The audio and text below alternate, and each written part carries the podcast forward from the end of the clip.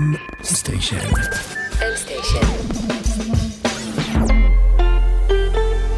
מבית מייקרוסופט בישראל. שלום וברוכים הבאים לעוד פרק של Buzzwords, מורה נבוכים. כמו תמיד נמצא איתי אור וייס. שלום אור. שלום עמית שוורצנברג. קודם כל אני מתרשם שאתה יודע להגות את שם המשפחה שלי.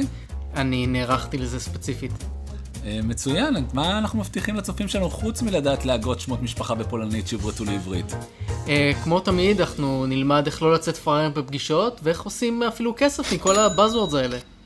נכון מאוד, אה, דרך אגב, אבל הפרק שלנו היום בא מבעיה קשה שקיימת בשוק, בעיה שאני. מחשיב את עצמי כיזם על, אחד הטובים בשוק, למרות שאני שכיר. כן. אה, והרבה חברים שלי פוטרו לאחרונה בגלל שהם הגיעו לפגישות, ויצאו פראיירים, הם פגישות שלמות על קונטיינרים, זה מה שנפוץ היום בכל חדרי ה-R&D. רק על קונטיינרים. רק על קונטיינר, אפילו אין, אין מוצר, אין מה לדבר, פשוט תופסים אנשים באמצע הפגישה ואומרים להם, אתה מר מעצב, אתה איש פיתוח עסקי, מהו הקונטיינר ומה הוא עושה. והמטרה שלי היא להציל את העולם. זה יפה, יפה. מ- מרגש. אז אה, לכן הפרק שלנו יהיה על קונטיינרים, אני ככה אה, רוצה לספר על הנגיעה האישית שלי לתחום הקונטיינרים. אני לא תמיד הייתי מבוגר, אני התחלתי בתור ילד, אפילו ילד נדיר, קטן. נדיר. מהמם. זה מה שמייחד אותי. מ... אני כמו בנג'מין באטון, רק הפוך. הייתי נוסע עם אבא שלי, אה, גרתי בקריות, אה, לחיפה, העיר הגדולה, והיה שם נמל גדול, נמל חיפה. אה, והיה שם המון המון מכולות. לא סיפור לבד- מרגש, אני מדמיין אה, כינור מתנגן ברקע. בהחלט, אני חושף את אה, ילדותי הצפונית. והיה שם מכולות, לא להתבלבל עם הריקודים האלה. הפרק על ריקודים בשנות ה-70 הוא כמה פרקים בהמשך. אנחנו עדיין? מתמקדים בבאזור טכנולוגי. אני הכנתי את הכל על מכולות ריקוד ועל הורה, זה לא עכשיו? אוי. ממש לא. אנחנו בעצם ככה מדברים על הקונטיינרים, שזו המילה הלועזית. אה, קונטיינר, אז ככה כדי לסגור את הסיפור ולסגור את הפרק, אה, זה בעצם מכולה שמכילה ציוד, היא יכולה להכיל אה, בננות, היא יכולה להכיל כדורי ים, היא יכולה להכיל פילי ים, אם יש דבר כזה. כלבי ים, היא יכולה פשוט להכין ציוד, וזה הקונטיינר. אז גם התחברנו להרבה אנשים שפיטרו אותם ועזרנו להם בתקופה קשה. גם דיברנו על הילדות שלי, וגם למדנו מה זה קונטיינרים, נכון אור? אז עמית, אתה גם צודק וגם לא צודק. אנחנו באנו לדבר על קונטיינרים בעולם התוכנה, והם קשורים לקונטיינרים בעולם הספנות, אבל הסיפור לא נגמר שם. אני רק שמעתי שאני צודק אור, אז אה, אתה יכול להמשיך מפה? אה, כן, חברים, תכתבו פנימה, תשלחו לנו הודעות, תעודדו את עמית שהוא מרגיש שהוא צודק פעם ראשונה, ever. זה נכון דרך אגב. כן. אז אה, קונטיינרים אה, בעולם הספנות מאוד קשורים לקונטיינרים בעולם התוכנה. בואו נחזור קצת אה, אחורה בהיסטוריה. פעם כשהיו מנסים אה, לארוז אה, ציוד ולשלוח אותו בספינות, היו פשוט אה, עורמים אותו על המזח ומעמיסים על הספינות. אה, אבל זה היה יוצר המון המון בלאגן, תחשבו פשוט הדברים נערמים אחד על גבי השני. תחשבו עכשיו אתם רוצים לשלוח אה, בננות ומתחילות להתנגש עם התפוזים, או אתם רוצים לקחת אה, חתולים וכלבים והם כולם אה, אה, נאספים ביחד. או בננות וקופים, כמו המעבר דירה הקודם שלי, זה לא הסתיים טוב. אה, כן, אז זה באמת אה, בלאגן, ואז ב-1950 המציאו את הקונספט של קונטיינרים, מכולות. שאפשר בתוכן לארוז את הדברים באופן מסודר, הם גם מפרידים בין הדברים השונים, ככה שאתה יודע שאתה לא שם קופים ובננות ביחד, ואתה גם לא שם אה, דברים שהם אה, אה, דולקים ודברים שהם דליקים ביחד. ובנוסף, כל אחד מקבל מקום מוגדר בתוך הספינה שהוא יודע שהוא בצורה מסוימת וגודל מסוים. ואתה יודע, אנחנו נורא אוהבים לדבר על איך עושים כסף. הטכנולוגיה הזאת של קונטיינרים בעולם הספנות עשתה המון כסף. אני מניח שבטח אה, ג'ון קונטיינר, ג'ון אה, מחולה, אני לא יודע איך, אה, אנגלי או אמריקאי או הולנדי. אז לא, אין ג'ון קונטיינר, אבל יש אה, בחור בשם אה, מלקום מקלין, שבשנות ה-50 בעצם פיתח את השיטה הזאת. אה, במותו הוא היה שווה משהו כמו איזה 330 מיליון דולר, אז בהחלט מכובד. בכל אופן, אז דיברנו על קונטיינרים בעולם הספנות, אבל באנו לדבר על טכנולוגיה, עמית. באנו לדבר על קונטיינרים בעולם פיתוח התוכנה. מה שחשוב להבין זה שקונטיינרים של ספנות היו ההשראה לקונטיינרים בעולם התוכנה. בעצם מפתחים נתקלו באותן בעיות. הם נתקלו בקושי של איך אנחנו מבטיחים שהתוכנה שאנחנו מעמיסים בצד אחד תגיע אותו דבר בצד השני. איך אנחנו יודעים שהתוכנה שאנחנו מסדרים תיכנס באותו מקום בצורה מסודרת בשרת או באפליקציה שאנחנו בונים, ולא תתנגש בדברים האחרים שרצים שם. אז בעצם מה שאתה אומר זה שאם אני אוהב לכתוב על Windows, ואתה אוהב לכתוב על Linux, וחבר טוב שלי אוהב לכתוב על Mac, לא יהיה לנו שום בעיה בעצם לעבוד ביחד. זה באמת חלק מזה, אתה צודק. Uh, התוכנה שאנחנו בונים צריכה לרוץ בהרבה הרבה סביבות שונות. כמו שכשאתה uh, מעביר uh, סחורה, אתה מעביר אותה בין נמלים שונים וסיטואציות שונות. אז זה ממש אותו pain point. וזה לא רק שזה בין מפתחים שונים, זה גם בין אה, מחשבים שונים של אותו מפתח, וגם בס... אולי הדבר הכי חשוב, סביבה שונה שבסוף הקוד צריך לרוץ בה. אתה לא יכול להריץ כמפתח את הקוד על המחשב שלך. בסוף אתה צריך להעלות אותו ל cloud, או לפחות לאיזה שרת שיגיש אותו אל המשתמשים. וגם אין cloud אחד, יש לה cloud של Azure, יש cloud של AWS, של GCP, IBM, Oracle וכן הלאה וכן הלאה, אז, אה, וגם לא כל העננים נולדו אותו דבר. אז בעצם אנחנו עושים סדר בכל ה-deployment של האפליקציה שלנו? הקונטיינרים עושים סדר ומבטיחים לנו שהתוכנה שלנו תרוץ באותה צורה ועל אותו בסיס, לא משנה איפה היא. מה שהמפתחים בעצם יכולים לעשות פה, זה להגדיר איך הקונטיינר נראה, מה המידות שלו, מה הגודל שלו, כמה זיכרון יש לו, עם איזה מערכת הפעלה בסיסית הוא עובד, איזה קבצים יהיו בו, איזה קונפיגורציה, וכמובן איזה קוד הם מעמיסים לתוכו. ולא משנה איפה הקונטיינר הזה יטען, אם זה יהיה על המחשב של המפתח, על מחשב של מפתח אחר בצוות, או כמובן בסביבת המטרה, בענן, זה ירוץ בדיוק אותו דבר. אז בעצם אה, אנחנו מדברים גבוהה גבוהה, אבל בואו נדבר על ה-day to day שלנו. מה אתה אוהב לעשות בסוף היום, אחרי שסיימת לקודד ולעשות כסף? להתפלש בבוץ. אבל אם אתה מגיע לחבר, מה אתה אוהב לעשות? להתפל... אה, אה, נטפליקס, נטפליקס. נכון מאוד. כן. תקשיב, אנחנו אשכרה עושים, אה, לפני הפרק עושים עבודה, עריכה והכל, ואתה אומר את האמת. המטרה שלנו זה לשקר שאנחנו רואים נטפליקס בערב, אוקיי? כן, נכון. פחות היאבקויות בוץ. אז בעצם נטפליקס זה בעצם תוכנה שמכילה תתי רכיבים או תתי תוכנות. בואו ניקח את זה למשל אה, דוגמה ל Windows, למשל יש לך את ה Windows Media Player, ומה שהוא עושה זה מנגן קבצים. גם בנטפליקס אתה לוחץ פליי ומנגן לך אה, סרט. אבל לפני כן יש לך את המנגנון כניסה של היוזרים, יש לך את האפשרות לקבל recommendation וכן הלאה וכן הלאה. כל אלה זה בעצם רכיבי תוכנה.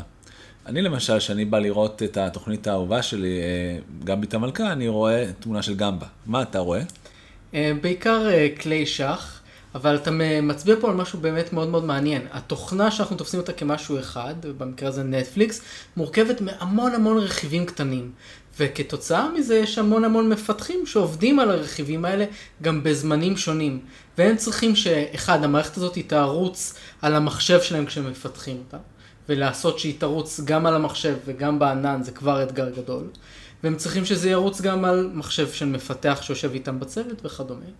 בסופו של יום יש לך מפתח אחד שמפתח כרגע feature חדש למערכת המלצות. נגיד אה, מוסיף שזה יראה יותר תמונות של גמבה אה, בשבילך ספציפית עמית. משמעותית יותר טוב מהתמונה שיש לי כשאני מפעיל את ריק ומורטי. כן, אז התמונות שאנחנו רואים יכולות להיות uh, בעיה, וכך גם ל developer פה יש בעצם בעיה נורא גדולה. המחשב שהוא רץ עליו, והמחשב שבסוף זה צריך לרוץ עליו בענן, אינם אותו דבר. יכול להיות שבתוך המחשב שלו יש עוד כל מיני קבצים וקונפיגורציות שהוא עבד איתם, יכול להיות שיש לו מערכת הפעלה טיפה שונה, יכול להיות שיש לו כל מיני דברים שנשארו מתהליכי בילד קודמים של התוכנה.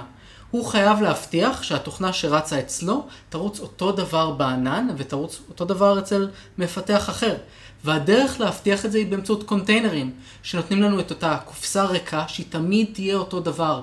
המפתח יודע איך בתוך הקופסה הריקה הזאת התוכנה שלו הולכת לשבת, כשהוא מריץ אותה לוקאלית אצלו, ויותר חשוב, כשהוא מריץ אותו בסביבת הייצור, ב production, בענן. וואו, היום זה נשמע מאוד מסובך להכין תוכנה. נטפליקס אה, מורכבת מהמון תוכנות ורצה על המון המון שרתים, אבל לא, זה לא תמיד היה ככה. הסכת וסקת, בואו נשתמש במכונת הזמן האהובה עלינו. אנחנו עכשיו בשנות התשעים. קלי רצה בטלוויזיה עם ברנדון, הסדרה בברלי מתנגנת ברקע, ויש לנו שרת אחד פיזי פשוט. לאט לאט הזמן מתקדם והתוכנה נהיית טיפה יותר מסובכת ויש לנו כבר כמה שרתים בחדר, והחדר גודל, אנחנו אפילו מפנים את המחסן. ואז המצאה חדשה, virtual machines. במקום כל פעם שאני רוצה להרים אה, שרת אה, מסוג מסוים, אני יכול לשים מכונה וירטואלית. אה, ובעצם לקחת, נגיד, על מחשב אחד, להריץ כמה וכמה מחשבים, וגם מסוגים שונים. יכול להריץ מחשב שהוא לינוקס, מחשב שהוא ווינדוס. וכפי שאתה יודע, לדוד משה הייתה חווה, EAO, ומה מזכיר לך המילה חווה בשנות ה-90? כמובן חוות שרתים, וזה מתחבר באמת גם למכונות וירטואליות. אני זוכר ב-2011, ב-2011 נכנסתי לחברה גדולה והראו לי שם את החוות השרתים הענקית שלהם, וזה פשוט היה חדר ענק ריק. הוא הצביע על שרת אחד באמצע ואומר לי, אתה רואה, כל השרתים שהיו פה התכנסו לשרת אחד פיזי שמריץ המון המון מכונות וירטואליות. אה, וזו באמת אה, הייתה ההתפתחות, וזה אפשר לא רק אה, לחסוך מקום פיזי, גם לפתח תוכנה באופן יותר מורכב. עכשיו כשאפשר להקצות משאבים באופן דינמי, אפשר להקצות עוד רכיבים לתוכנה ולאפשר לתוכנה לגדול באופן דינמי. זה מה שאפשר בעצם את המהפכה של הענן. ספקיות הענן הראשונות בעצם לקחו שרתים וירטואליים ונתנו לאנשים אחרים להשתמש בהם. אז נשמע שבכלל לא צריך קונטיינרים, נשמע שה virtual machine הזה מספיק לחלוטין. אז קודם כל באמת מכונה וירטואלית נותנת לנו המון, אבל היא במידה מסוימת גם נותנת לנו יותר מדי. מכונה וירטואלית מסמלצת לנו קופסה פיזית שלמה, את כל מערכת ההפעלה וכל הרכיבים שיש סביבה. אבל כשאתה מנסה עכשיו לפרוס כזה דבר לענן או להביא את זה לסביבה אחרת, זה נהיה מסובך. כי קודם כל אתה מעמיס הרבה דברים שיכולים להתנגש עם התוכנה שלך, וב' אתה לא יכול להבטיח שמה שירוץ בצד השני יהיה בדיוק אותו דבר. וזה בדיוק המקום שקונטיינרים נכנסים. אבל לפני שאנחנו מדברים על קונטיינרים, כשאנחנו לוקחים VM, אנחנו ממש מריצים את המערכת הפעלה עצמה. שנייה לפני שאנחנו ממשיכים קדימה, אה, חשוב לי בעצם לרדת עוד יותר אה, לרזולוציה של ההבחנה בין אה, VMים לקונטיינרים. Mm-hmm. זה, אם אני מאוד רוצה לפשט את זה, זה כמו שאתה קונה ביצת הפתעה של קינדר ואתה רק רוצה את הצעצוע. כשתפתחי את זה, תגידי וואו! כשתאכלי את זה, תרגישי אז הקונטיינר זה רק הצעצוע, זה רק מה שאתה באמת צריך. VM מכיל בתוכו גם uh, סימולציה של החומרה, uh, למשל uh, כמה, איזה מעבד יש לך ואיזה כרטיס קול ואת הדרייברים, שזה הדרך לתקשר עם החומרה באמצעות התוכנה. אנחנו לא צריכים את זה ברוב הפעמים, ולכן כשאנחנו ניקח בעצם את הקונטיינר, אנחנו בעצם נקבל רק את ה-OS בצורה הכי מופשטת שלו. נכון, אז קונטיינרים הם בעצם שכבת וירטואליזציה יותר דקה, שכבת וירטואליזציה של רק מערכת ההפעלה, ולא כל המחשב בכללותו. אה, ומתוך המיקוד הזה אנחנו מקבלים אה, יותר כוח ויותר שליטה כמפתחים על מה אנחנו אורזים ואיך זה מגיע אל הצד השני. אז איך משתמשים בכל הטוב הזה? שאלה מצוינת. אז באמת אה, קונטיינרים זה טכנולוגיה מדהימה, שהתפתחה אגב במקור בעולם של מערכת ההפעלה לינוקס. אבל עדיין צריך איזה דרך טובה לרתום את זה לצרכים של מפתחים. ופה נכנסה חברה מדהימה בשם Docker ב-2013, שהוביל אותה בן אדם בשם... ג'ון דוקר. לא, בחור בשם סולומון הייקס. אה, והם בעצם אה, זיהו את הכאב הזה של מפתחים, זיהו את הדמיון של זה לבעיות בעולם הימאות, לקחו את הטכנולוגיה של קונטיינרים ועטפו אותה בצורה שמפתחים יוכלו להשתמש בה בקלות. הם השתמשו בממשק שנקרא Dockerfile, בעצם מין קובץ קונפיגורציה, או אם נחבר את זה לעולם הימאות, כמו המניפסט של הספינה. או spec במילים יותר פשוטות. כן, זה משהו שהמפתח כותב ומאפשר לו להגדיר בדיוק איך התוכנה שלו נארזת לתוך image של קונטיינר, איזה רכיבים יהיו שם, איך התוכנה שלו תיכנס פנימה, ואיזה משאבים יהיו זמינים בעצם לקונטיינר כשהוא רץ. זה כמו אם אני לוקח את זה לעולם המכולות וחוזר לים, אז אני מגדיר את גודל המכולה, אה, מה היא מחזיקה, איזה ציוד, למה, כמה, איך, וכן הלאה וכן הלאה. זה בעצם המפסט או הספק. נכון מאוד. ועכשיו הדבר הזה אפשר למפתחים לארוז את התוכנה שלהם מאוד בקלות, גם אם התוכנה שלהם מורכבת מהמון המון חלקים קטנים. ואז זה אפשר את המהפכה של אחד הדברים שהם אולי הכי פופולריים היום בפיתוח תוכנה, מיקרו סרוויסים. אז בעוד שפעם התוכנה האחת שהיינו בונים על השרת האחד הייתה מונוליט, גוש גדול של תוכנה של כל הרכיבים ארוזים ביחד, היום אורזים אותך בנפרד, כל חלק קטן רץ בפני עצמו, וזה נותן למפתחים את היכולת לשנות דברים יותר בקלות, כי כל חלק ארוז בנפרד. אם תשמעו במסדרון, אנחנו צריכים לשבור את המונוליט, אז הכוונה היא לקחת את התוכנה שהייתה כתובה, מה שנקרא Legacy, שזו תוכנה ישנה, ולכתוב אותה מחדש לעולם המייקרו סרוויסים. נכון, ומייקרו סרוויסים אה, זה משהו מדהים שאנחנו כנראה נצטרך לדבר עליו עוד הרבה. אה, אבל אה, נשמור את זה לפרק אחר. אז אתה יודע, אנחנו כל הזמן בים עכשיו, למרות שחורף, וככה רציתי לשאול, איזה עוד מטאפורות יש לנו מעולם הים שאנחנו יכולים להביא לפה? אז uh, באמת uh, Docker, אז הלוגו שלהם uh, זה לוויתן שנושא מכולות על גבו, והם נורא חזקים בכל העולם של מטאפורות הימאות, וזה התחיל טרנד שלם של לקרוא לדברים במטאפורה ימית. אחד הדברים הפופולריים שאנחנו גם כנראה נעשה עליו פרק שלם זה Kubernetes. Kubernetes זה קפטן בעצם ביוונית. אגב, המילה Kubernetes וסייבר, cybernetics זו אותה מילה, משם סייבר הגיע במקור. אז Kubernetes זה בעצם uh, פתרון לנהל צי של קונטיינרים. בעוד ש Docker נותן לנו לנהל קונטיינר אחד, או מקסימום כמה, Kubernetes מאפשר לנו לנהל אוסף של קונטיינרים ביחד, להעלות אותם, להוריד אותם, להקצות להם משאבים ולהתאים אותם לדרישות התוכנה. עכשיו, עוד יתרון מאוד גדול של קונטיינרים, אה, ואם אני רוצה לחזור לעולם הספנות, זה... סיפרתי לך שיש לי מטע בננות בפינלנד? בפינלנד, זה מקום נהדר לגדל בו בננות. לא כל כך, אבל סיפור אחר. בקיצור, רציתי להעביר את הבננות שלי למצרים, והגיעה משאית עם מכולה, העברנו, העמסנו את הבננות, ואז הגענו למנוף בנמל, והמנוף תפס את המכולה, ושם אותה בצורה נורא יפה על המכולות האחרות. Mm-hmm. אם הייתי צריך לקחת את הדימוי הזה של להעביר אה, קונטיינר אמיתי לעולם mm-hmm. תוכנה, איך היית מסתכל על זה? Um, אני חושב שהדבר שהכי דומה לזה בעולם התוכנה יהיה CICD. Continuous Integration, Continuous Delivery, uh, בעצם אינטגרציה או הרכבת תוכנה מתמשכת ודלבור או הבאת תוכנה uh, באופן מתמשך.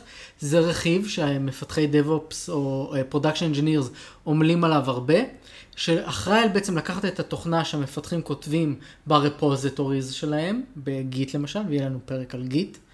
אז רק כדי repository, כשאני כותב את הקוד, הקוד הזה נשמר איפשהו, זה כמו שכותבים מסמך Word. והוא נשמר איפשהו על הענן או במקום מקומי, זה כרגע לא כזה חשוב. מה שכן חשוב לזכור את מר Jenkins היקר. Jenkins הוא בחור שנראה כמו שרת אה, אנגלי אה, קטן, והוא עוזר, והוא חלק מהתוכנות שמפעילות את אה, ה-CICD.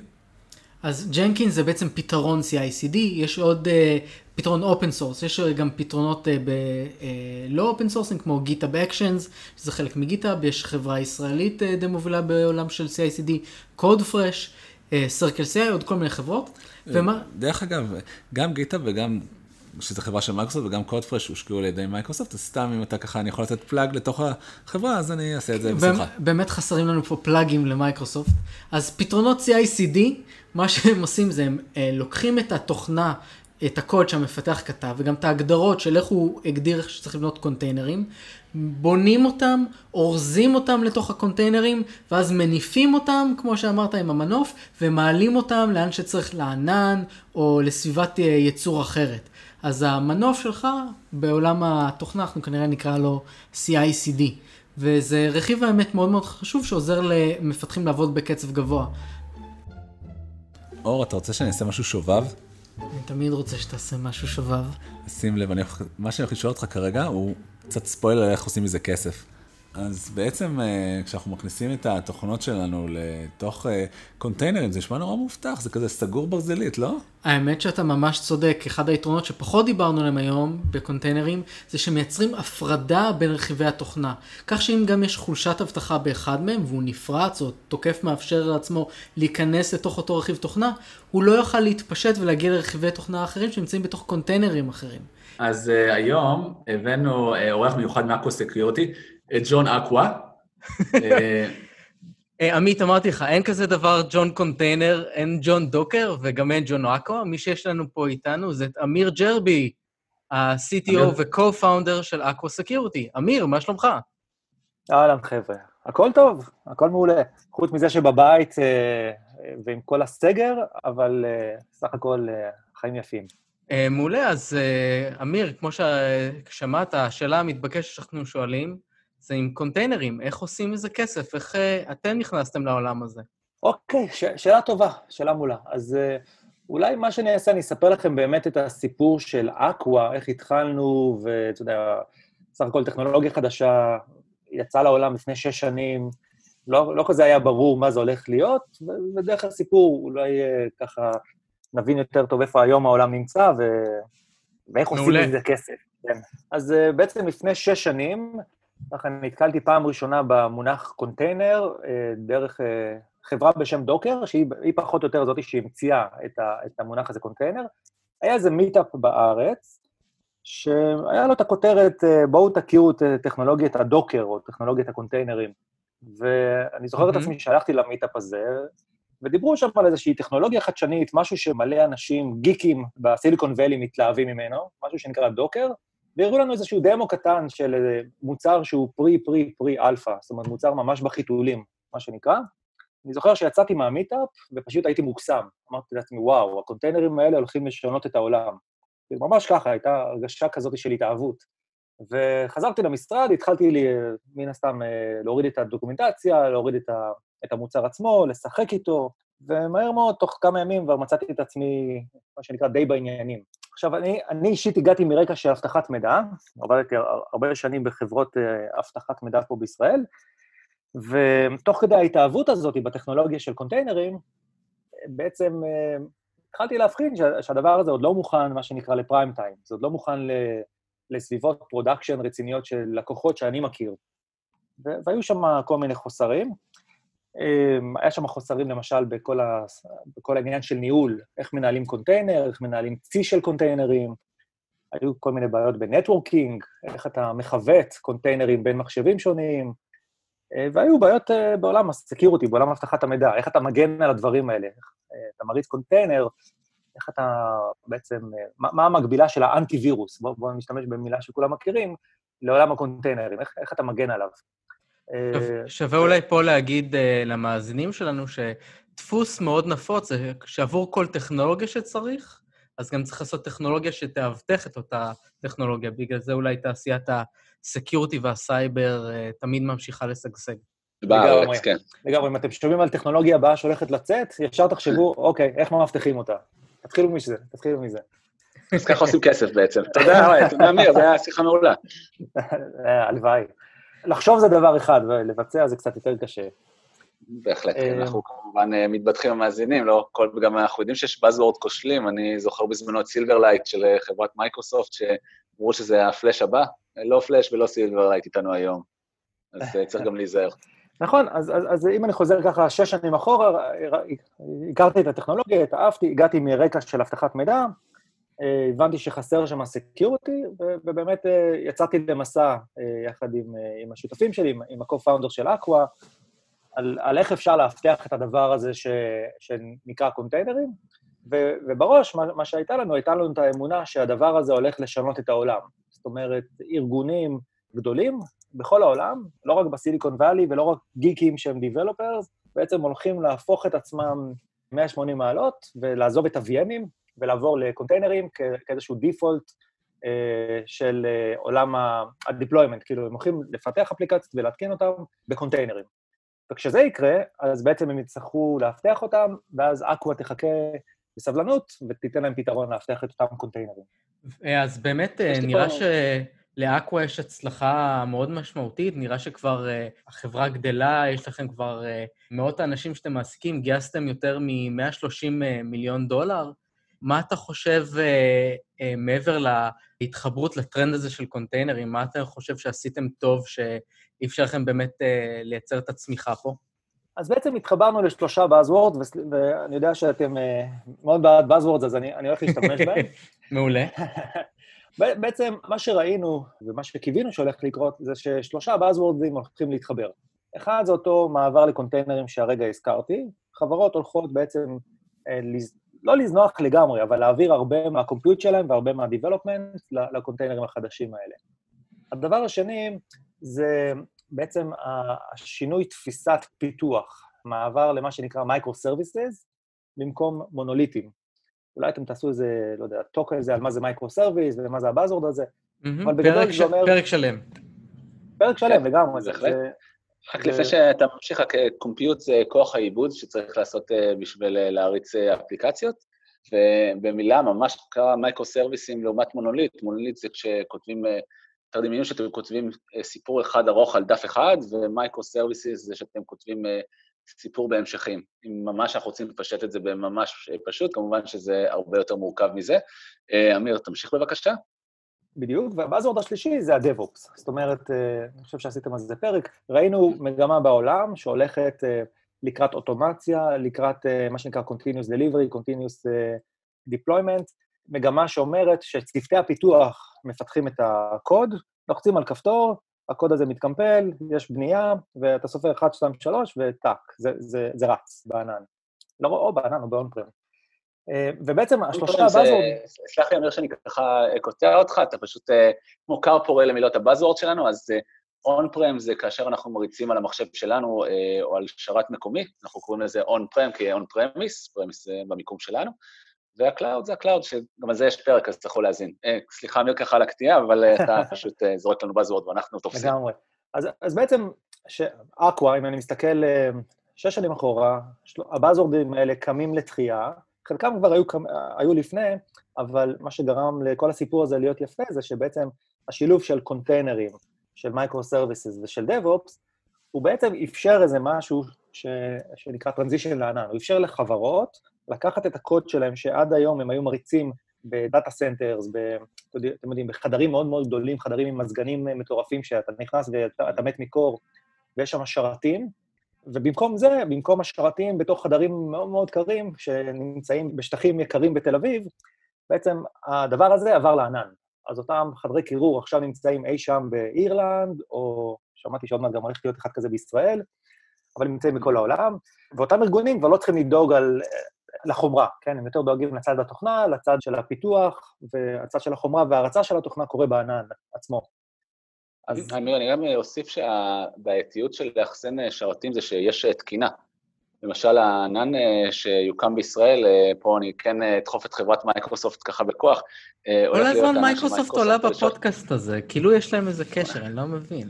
כן, כן, אנחנו, אבל אם כבר אולי זו באמת נקודה מלמדת ונחמדה, שצריך לעשות תקינה, זה לא פשוט להרים שרתים, יש תקינה שאתה אמור להיות מוגן מטילים, רעידות אדמה, צונאמי, זה לא משהו שחברה קטנה או סטארט-אפ יכול עכשיו לבוא ולהבטיח ללקוחות שלו שהוא יהיה כל הזמן באוויר, אז מעבר לנוחות של להריץ שרתים ולא לבנות חדרי קירור, גם ה, אה, לעמוד בתקינות מאוד מאוד קשות זה משהו שסטארט-אפ קטן או מישהו בהתחלה יהיה לו מאוד מאוד קשה לעשות. אה, סליחה, אמיר, ככה הייתי פשוט אה, חייב להצדיק את המשכורת שלי.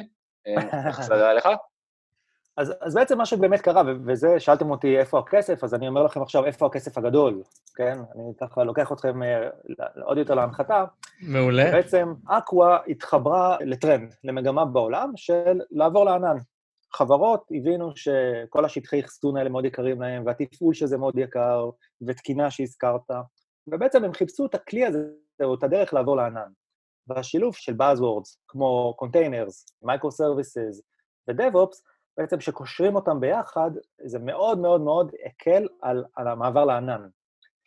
יכול להיות שאנחנו צריכים פרק שלם רק לדבר על אה, איך עוברים לענן, אבל היכולת mm-hmm. של חברות היום לקחת תוכנה, לפתח אותה ב micros, לארוז אותה ולפתח אותה ב micro-service, ללחוץ על כפתור, זה מה שנקרא DevOps, ושאחרי חמש דקות זה כבר רץ באמזון, באז'ור, בגוגל, לא משנה באיזשהו ענן.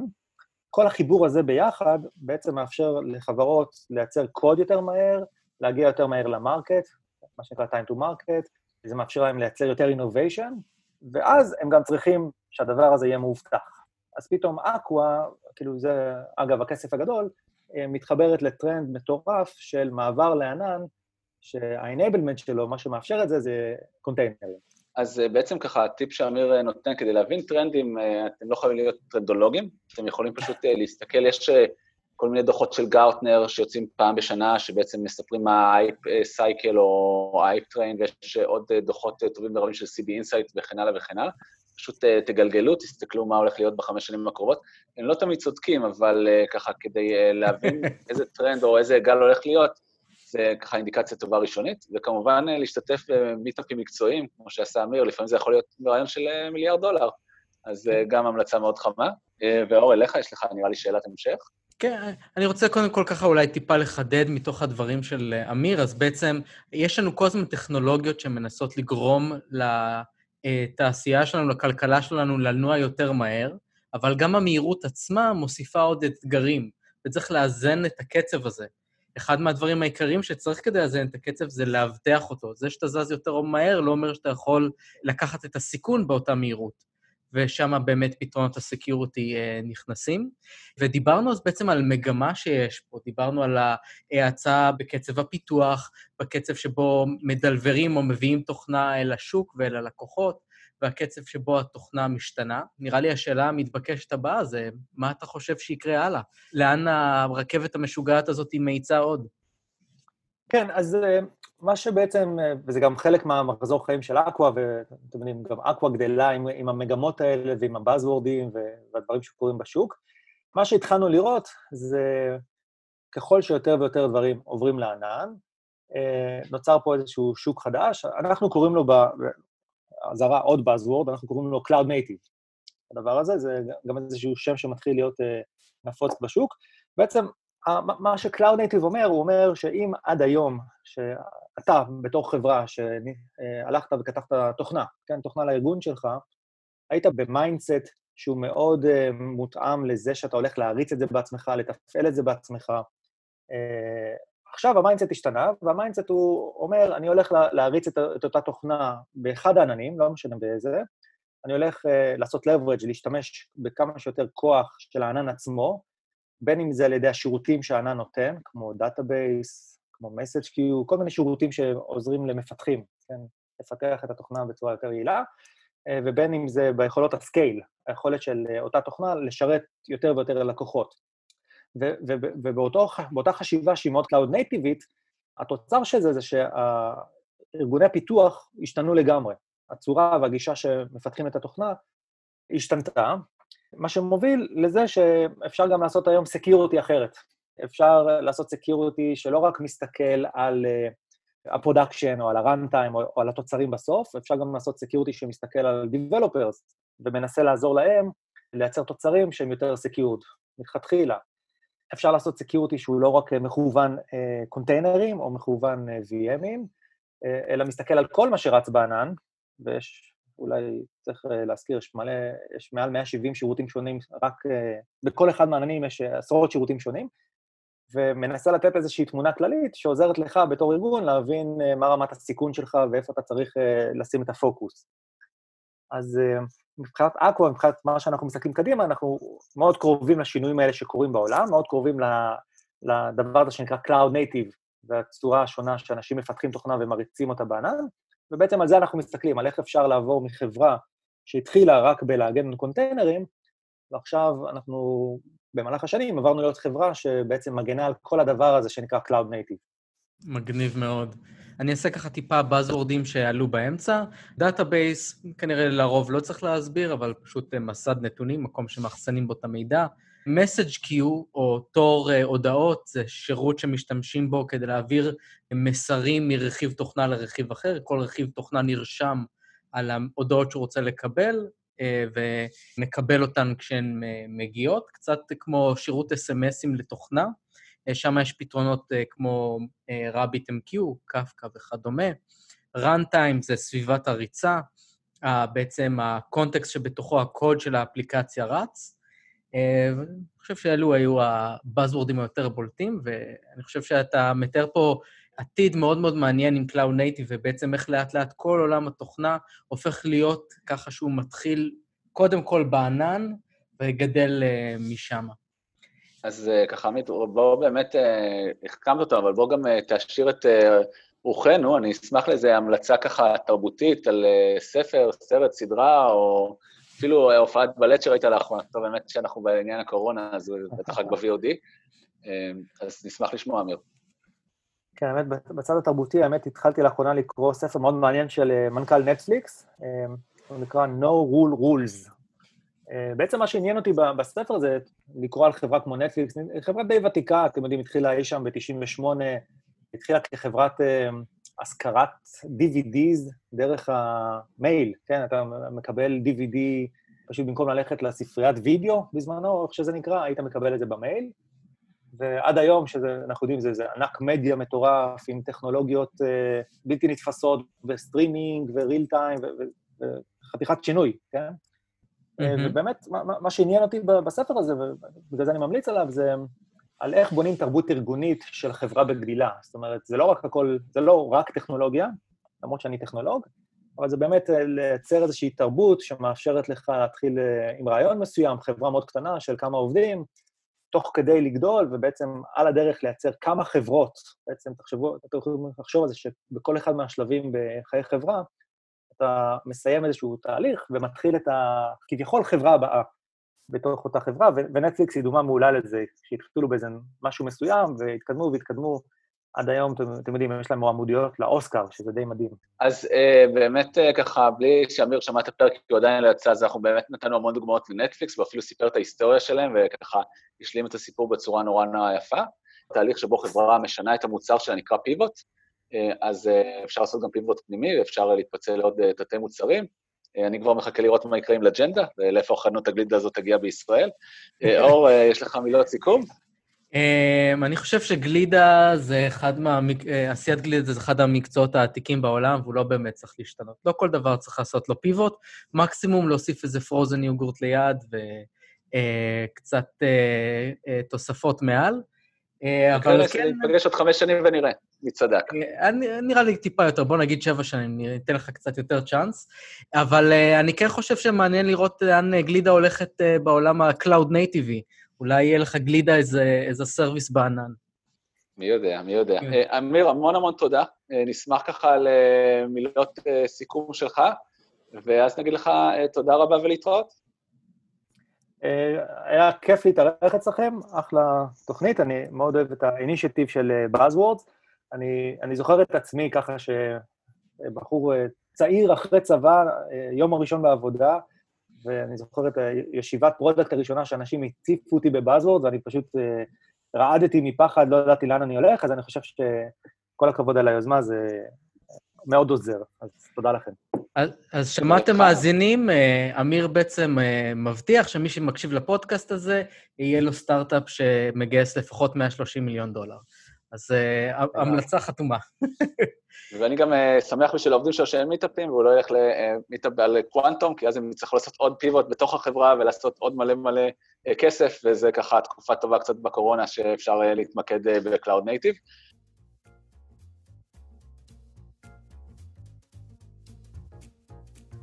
אז הגיע לסיומו עוד פרק, אבל זה לא רק אני ואור, יש כאן הרבה אנשים שטורחים ועובדים מאחורי הקלעים. תודה רבה לשני ברקוביץ', לשקמה בן עמי, לרוני אבירם, וכמובן לעורך המדהים שמוסיף את כל האפקטים וחותך את כל האביות שלנו, ניר לייסט. ותודה לכם המאזינים, הצטרפו אלינו לעוד פרק. וזה שיש את אור, שמודה גם לכם.